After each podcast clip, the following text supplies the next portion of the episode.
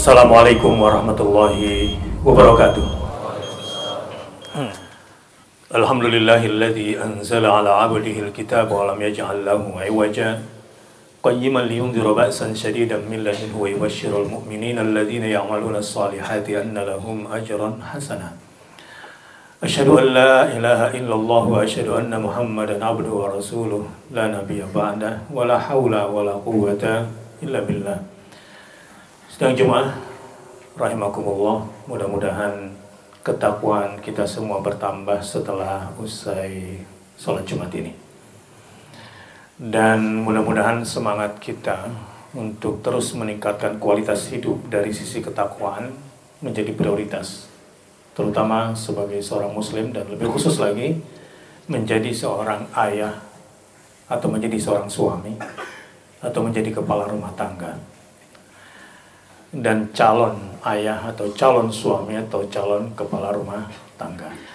Tema khutbah Jumat kita pada hari ini adalah menjadi seorang ayah yang sukses.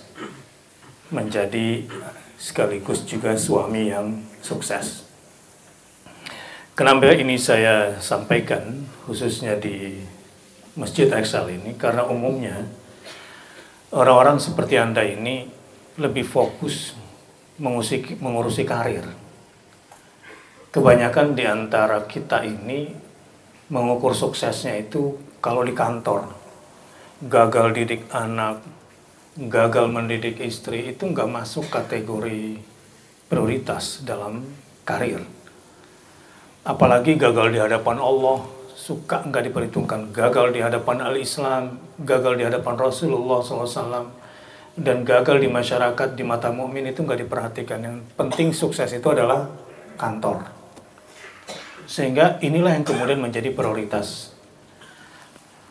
Pada jangka pendek, kantor diuntungkan oleh orang-orang seperti ini. Tapi pada akhirnya, keputusan orang seperti itu cenderung merugikan kantor. Tanpa disadari lebih banyak ruginya kantor oleh orang-orang seperti itu. Saya pernah e, melihat di sebuah kantor pada 10 tahun yang lalu yang sangat terkenal dalam rekrutmen SDM dan pembinaan SDM-nya. Employee of the Years-nya itu luar biasa. Tapi sukses di kantor berantakan rumah tangganya, hancur anak-anaknya. Ini sukses apaan kalau begini mengukurnya? Nah, pada kesempatan yang berbahagia ini, saya akan mengajak kita semua untuk sedikit menoleh khususnya kita sebagai sebagai sebagai seorang ayah dan sebagai seorang suami atau calon ayah dan calon suami. A'udzu billahi minasyaitonir rajim. Fa idza qadaytum manasikakum fadhkurullaha kadzikrikum aba'akum aw ashadda dzikra. Ini ayat tentang betapa besarnya pengaruh ayah terhadap anak-anaknya dalam membentuk ideologi dan pola hidup anak-anak.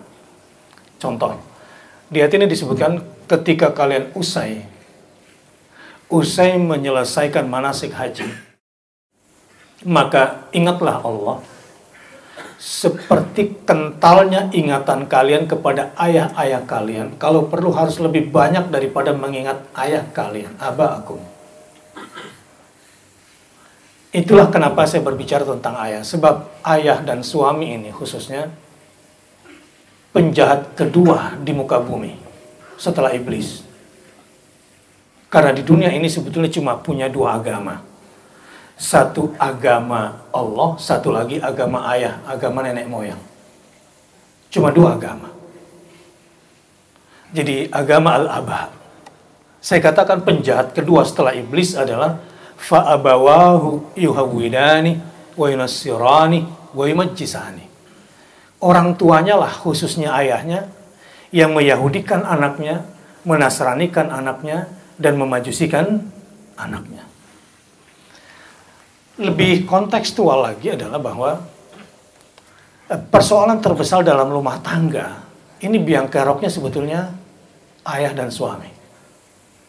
Perceraian di Indonesia saat ini 70% penyebabnya bukan talak, tapi hulu.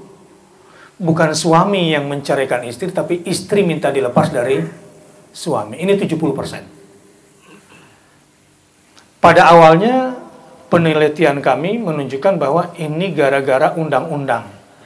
Setelah undang-undang KDRT itu dibuka, wah perempuan curhat dan menceritakan kekerasan dalam rumah tangga. Ketika undang-undang ini dibuka tanpa sosialisasi sebelumnya, muncullah itu dan ramai-ramai perempuan minta dilepas dari suaminya. Belakangan, ternyata konsistensi perempuan minta dilepas dari suami ini semakin marak.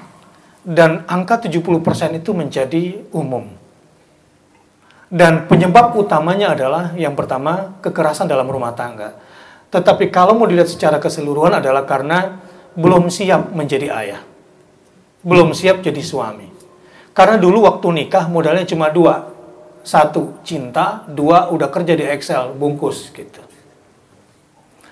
Bagaimana menjadi seorang teladan, kepala rumah tangga teladan, bagaimana menjadi seorang kawam pelurus bagi istri, bagaimana manajemen keuangan keluarga, bagaimana psikologi pernikahan, bagaimana kesehatan reproduksi, bagaimana psikologi perempuan, bagaimana psikologi anak, bagaimana bimbingan karir, bagaimana manajemen konflik, nggak dipikirin. Dia pikir adalah kalau nikah itu modalnya cuma, nah, kamu cinta sama dia, iya. Dia udah kerja belum? Udah. Di mana? Di Excel, bungkus. Gitu. Dia pikir cukup. Nggak cukup.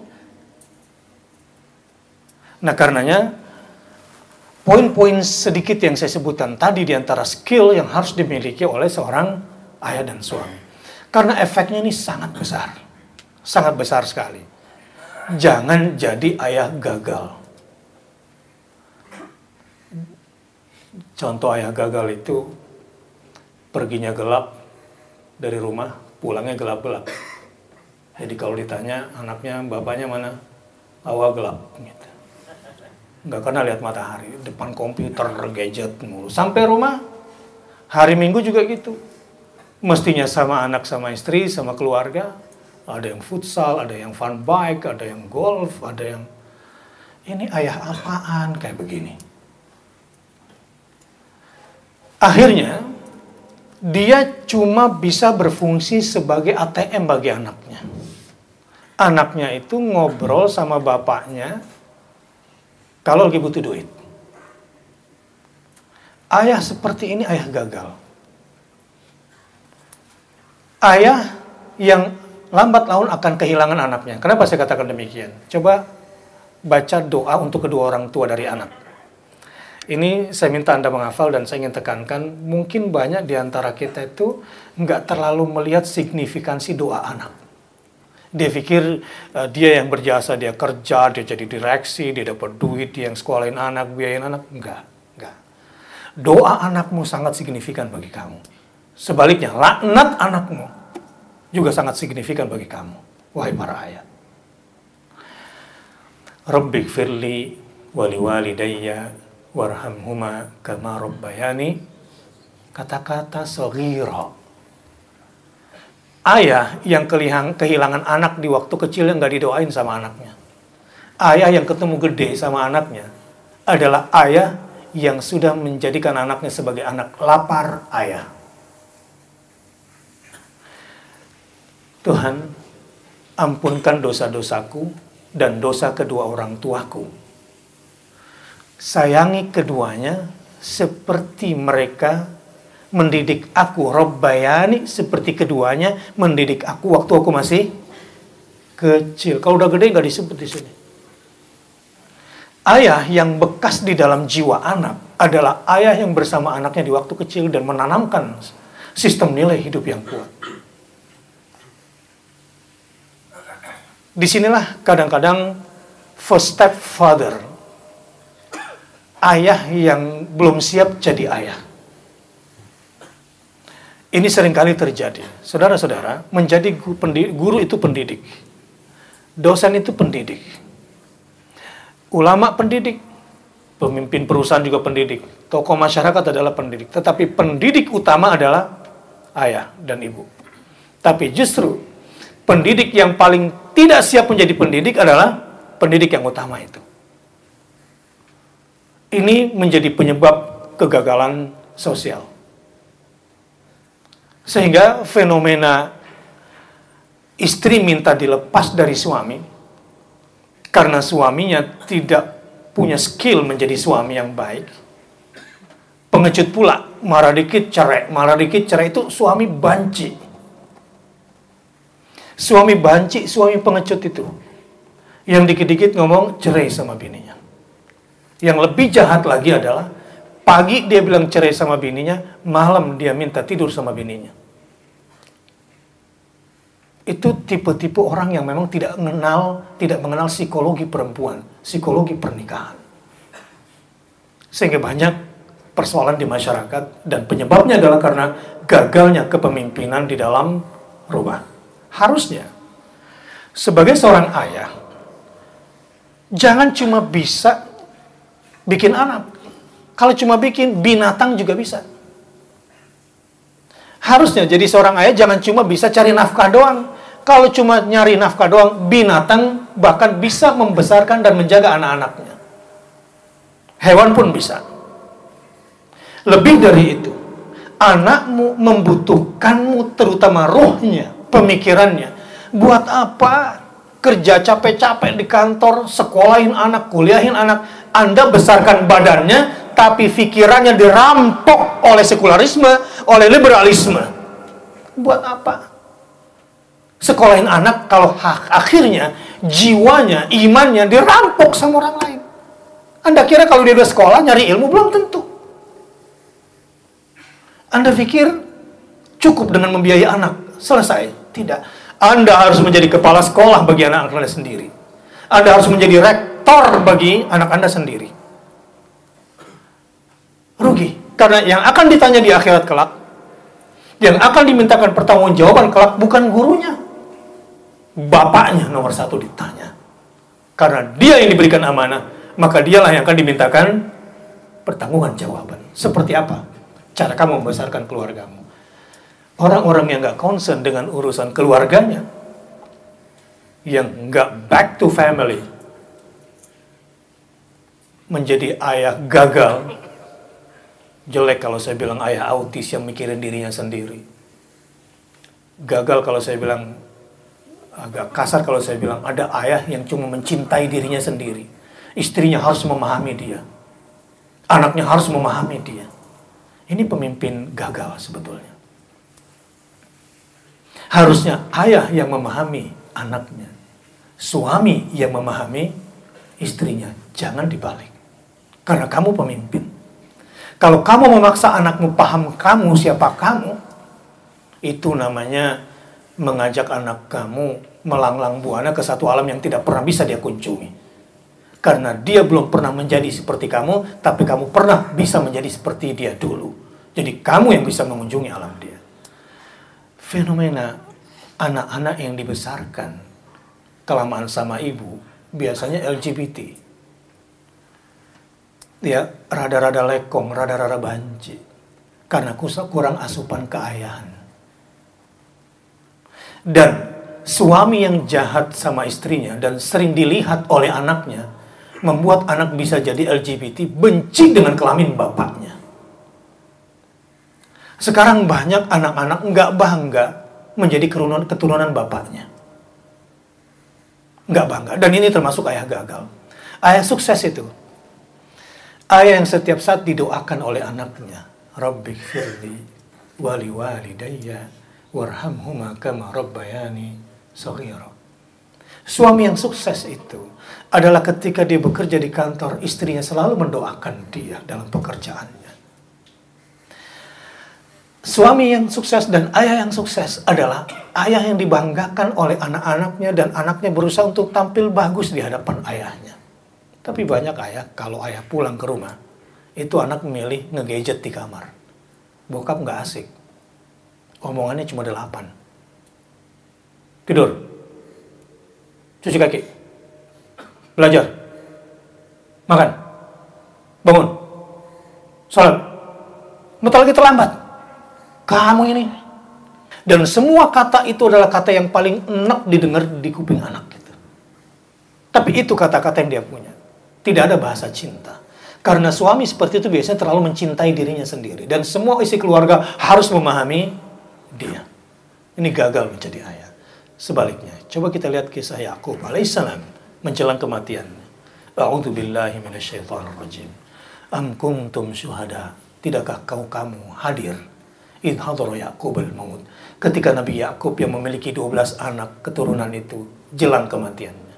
Idh qala li ketika dia berkata kepada 12 asbat keturunannya, "Ma ta'buduna min ba'di?" Anakku, siapa gerangan yang kalian sembah selepas kematian ayah kelak?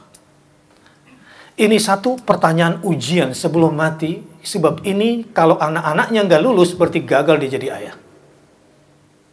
Jadi kalau satu hari gini misalnya, uh, anak pulang bawa rapot, rapotnya bagus, ini biasanya anak siapa? Anak mama atau anak papa kalau rapotnya bagus? Kalau jelek baru, ini mama gimana? Kamu kan ibu, ibu itu madrasah. Al-ummu madrasah. Ini gara-gara mama semua. Si mama bilang, iya, al-ummu madrasah. Tapi kepala madrasahnya nggak ada. Yang harus ditunjuk dan paling bersalah ketika nilai anak itu gagal itu siapa? Bapaknya ayahnya. Kepala madrasahnya. Ibu memang madrasah, tapi madrasah tergantung kepemimpinan kepala sekolah yang benar. Fine. Sekalipun nanti nilai sekolah anakmu bagus, jangan GR. Ini anak papa atau anak mama? Anak gurunya. Karena gurunya yang bikin kurikulum, gurunya yang ngajar, gurunya yang evaluasi, gurunya yang menilai. Bapak ibunya kagak. Jadi anak siapa dia? Anak gurunya kalau melihat dari situ. Pertanyaan selanjutnya adalah, kamu sebagai ayah, punya nggak kurikulum bagaimana caranya sejak lahir akan mendidik anak itu sampai dia masuk surga? Punya nggak kurikulum itu?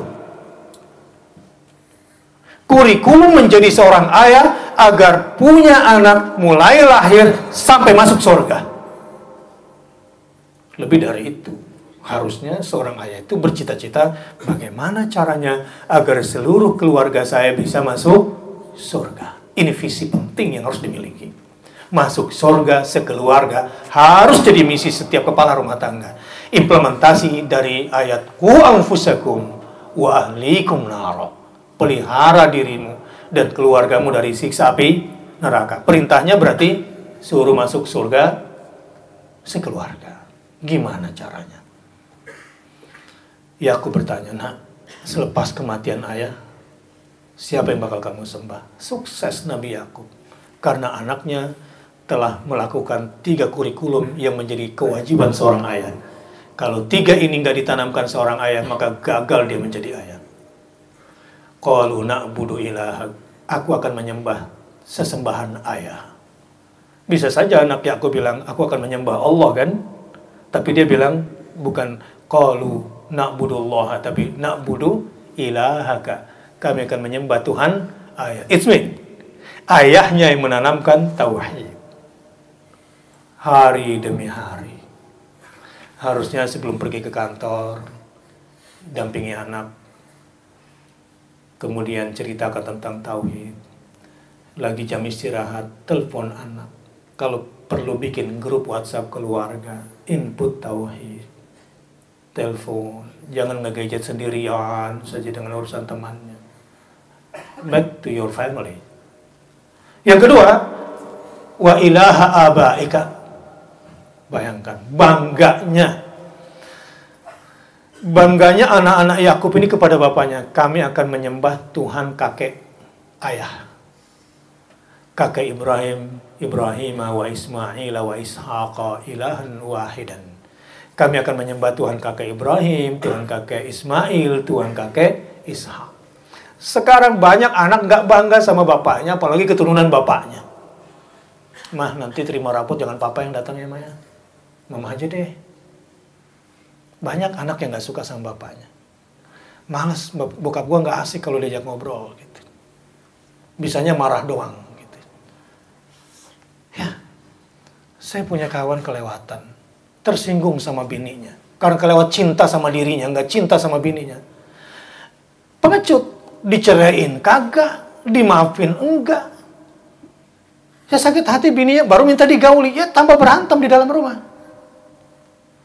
Karena istrinya menolak, mukul lakinya, cerita, gue dipukul sama bini gue. Seumur umur gue nggak pernah dipukul sama bokap gue. Bini gue mukul gue. Bohong ceritanya nggak kayak gitu. Ini gara-gara laki pengecut terlalu cinta sama dirinya, akhirnya rengganglah pisah ranjang. Di kantornya karirnya bagus. Tapi dia tidak lebih hanya seorang pengecut terhadap istrinya. Tidak punya visi dalam rumah tangga. Nanti setelah anaknya kena narkoba, baru dia sadar.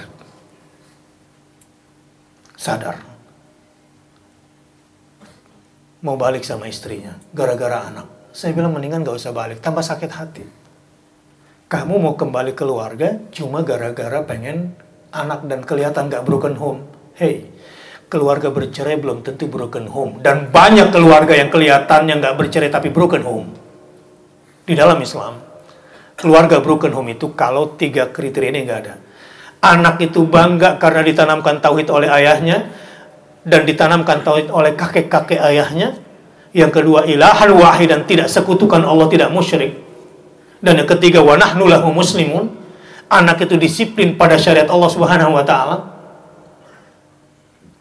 banyak bapak itu nggak sadar, nggak menanamkan tiga kurikulum ini. Tauhid, melindungi anak dari syirik, dan mendisiplin, mendisiplinkan anak pada syariat Allah Subhanahu wa taala. Saya mau tanya, kalau malam hari ini bapak-bapak pada pulang yang ditanyain ke anaknya kira-kira udah sholat isya apa belum?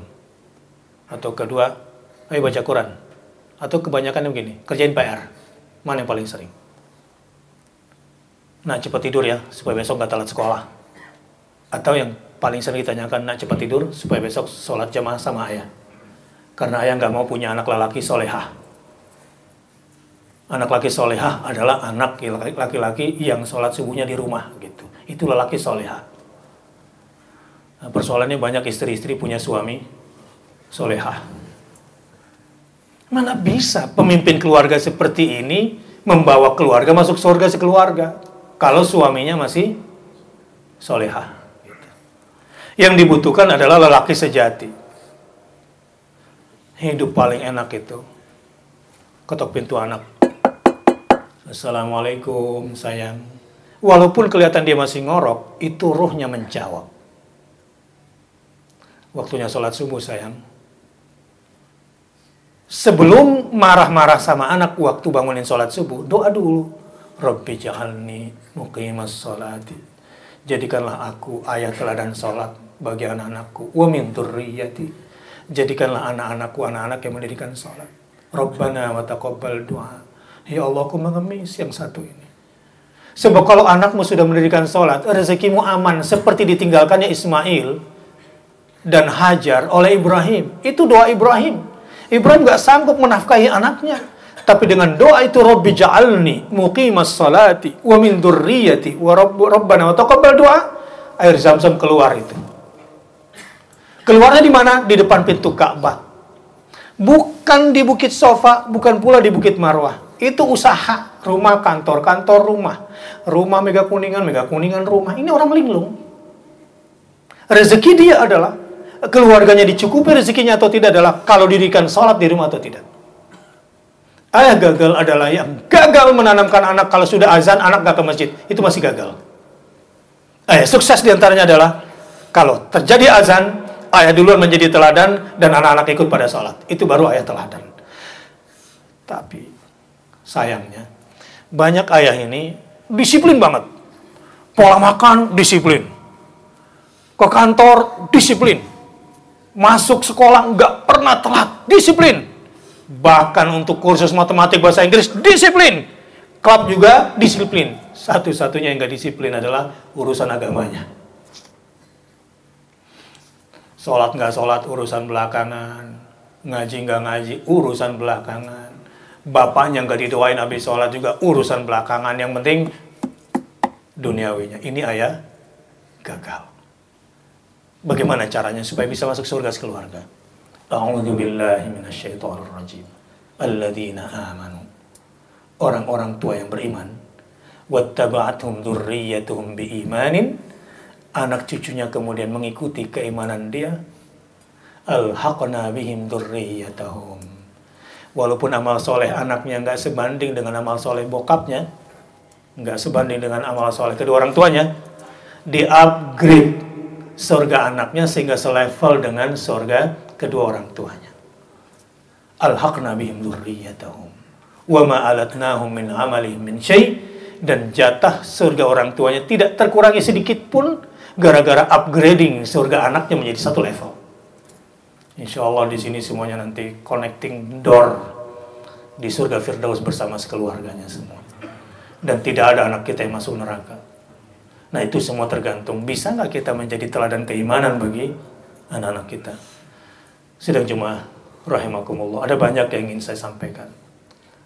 Tetapi saya ingin katakan ada empat jenis anak di dalam Al-Quran yang paling bagus adalah qurrata a'yun. Rabbana hablana min azwajina wa dzurriyyatina qurrata a'yun. Adalah ayah yang berhasil mendidik anaknya menjadi permata hatinya. Yang gimana itu? Ya anak yang soleh. Yang bisa masuk surga sekeluarga kriterianya di dalam Al-Quran itu adalah Jannatu adnin yadkhulunaha wa man salaha. Wa man salaha min abaihim wa azwajihim wa dzurriyyatihim. Ada surga Aden diperuntukkan untuk orang sekeluarga masuk surga. Mudah-mudahan semua jamaah di sini bisa menjadi pemimpin keluarga yang bisa ngajak masuk surga sekeluarga. Nanti insya Allah tempat Anda bersama satu keluarga itu namanya surga Aden.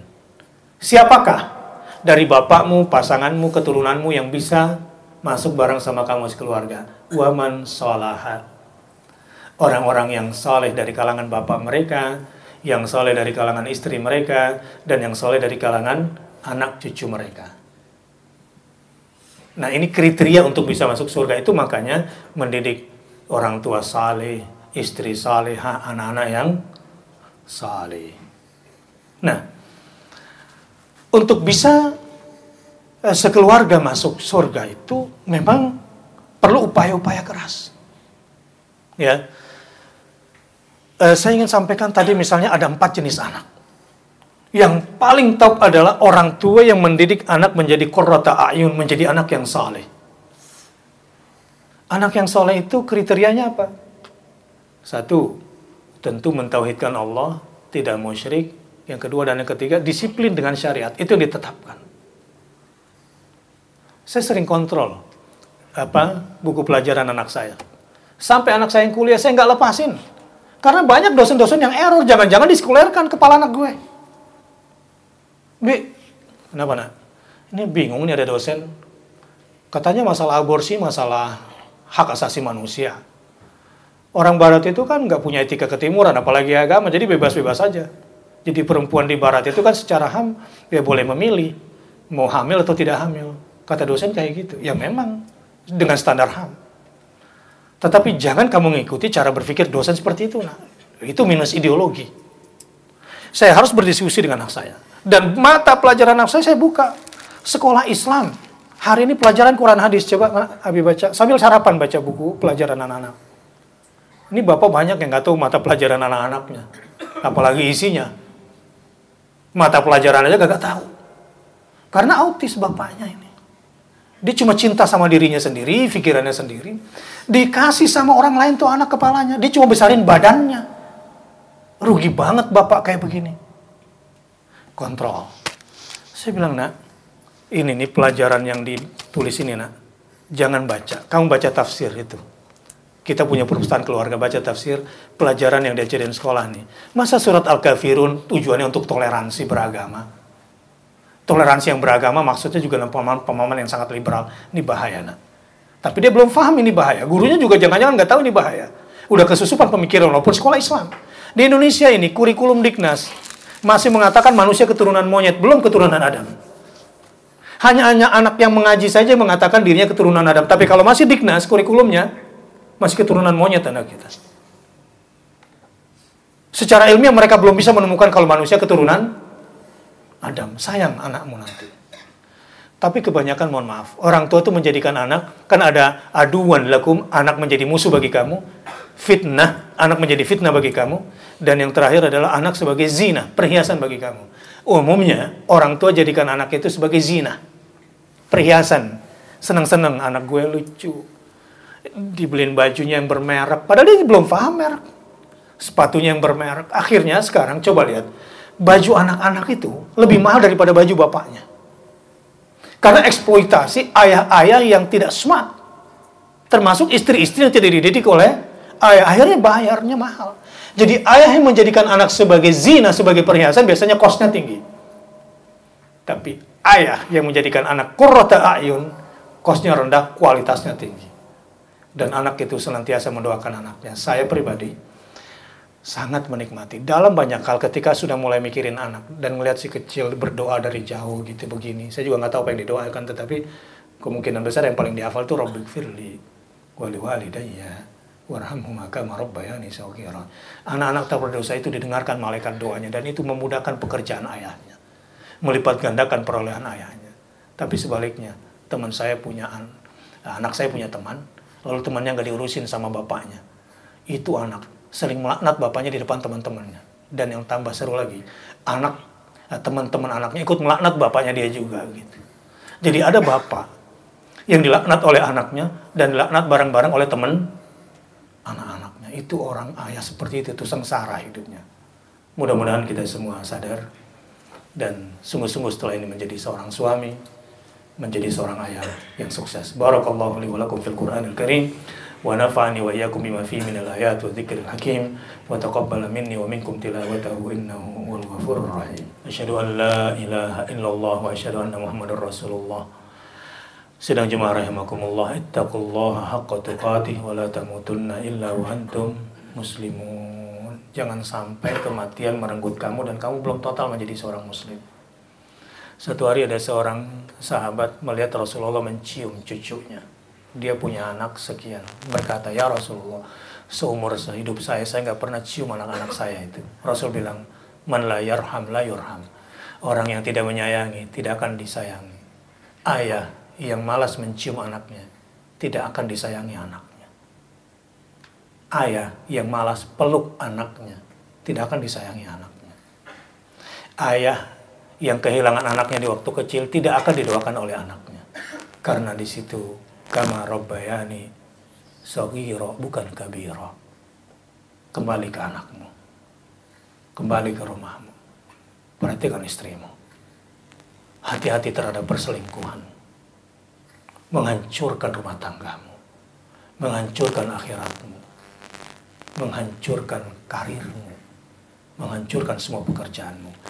Tidak ada dosa yang paling cepat balasannya dibanding berzina tidak ada dosa yang paling cepat balasannya dibanding berzina.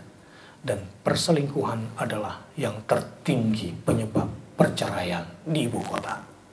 Selain kekerasan dalam rumah tangga. Semoga Allah Subhanahu wa taala lindungi keluarga kita dan menjadikan seluruh anggota rumah tangga kita menjadi orang yang saleh dan salihah. Inna Allah malaikatahu yusalluna 'alan nabi ya ayyuhalladzina amanu sallu 'alaihi wa sallimu taslima. وعلى الصحابة أجمعين أبي بكر وعمر وعثمان وعلي وعلى التابعين وتابع التابعين لهم بإحسان إلى يوم الدين. وارحمنا معهم برحمتك يا أرحم الراحمين. اللهم اغفر للمسلمين والمسلمات والمؤمنين والمؤمنات الأحياء منهم والأموات إنك سميع قريب مجيب الدعوات. يا قاضي الحاجات ربنا هب لنا من أزواجنا وذرياتنا قرة أعين واجعلنا للمتقين إماما. Ya Allah, jadikanlah kami ayah yang menjadi teladan salat bagi anak-anak kami. Dan jadikanlah anak-anak kami, anak-anak keturunan kami yang mendirikan salat di dalam hidupnya. Ya Allah, kami mengemis kepadamu untuk yang satu ini. Untuk yang satu ini kami kami kami mengemis kepadamu. Rabbana wa taqabbal du'a.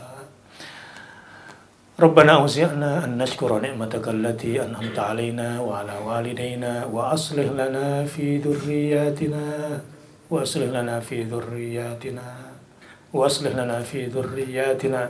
إنا تبنا إليك وإنا من المسلمين. ربنا إننا سمعنا مناديا ينادي للإيمان أن آمنوا بربكم فآمنا. ربنا فاغفر لنا ذنوبنا وكفر عنا سيئاتنا. وتوفنا مع الأبرار ربنا هب لنا من أزواجنا وذرياتنا قرة أعين واجعلنا للمتقين إماما. ربنا آتنا من لدنك رحمة وهيئ لنا من أمرنا رشدا. ربنا آتنا في الدنيا حسنة وفي الآخرة حسنة وقنا عذاب النار. عباد الله إن الله يأمر بالعدل والإحسان وإيتاء ذي القربى وينهى عن الفحشاء والمنكر والبغي يعظكم لعلكم تذكرون فاذكروا الله العظيم يذكركم واشكروه على نعمه يزدكم ولذكر الله أكبر والله يعلم ما تصنعون.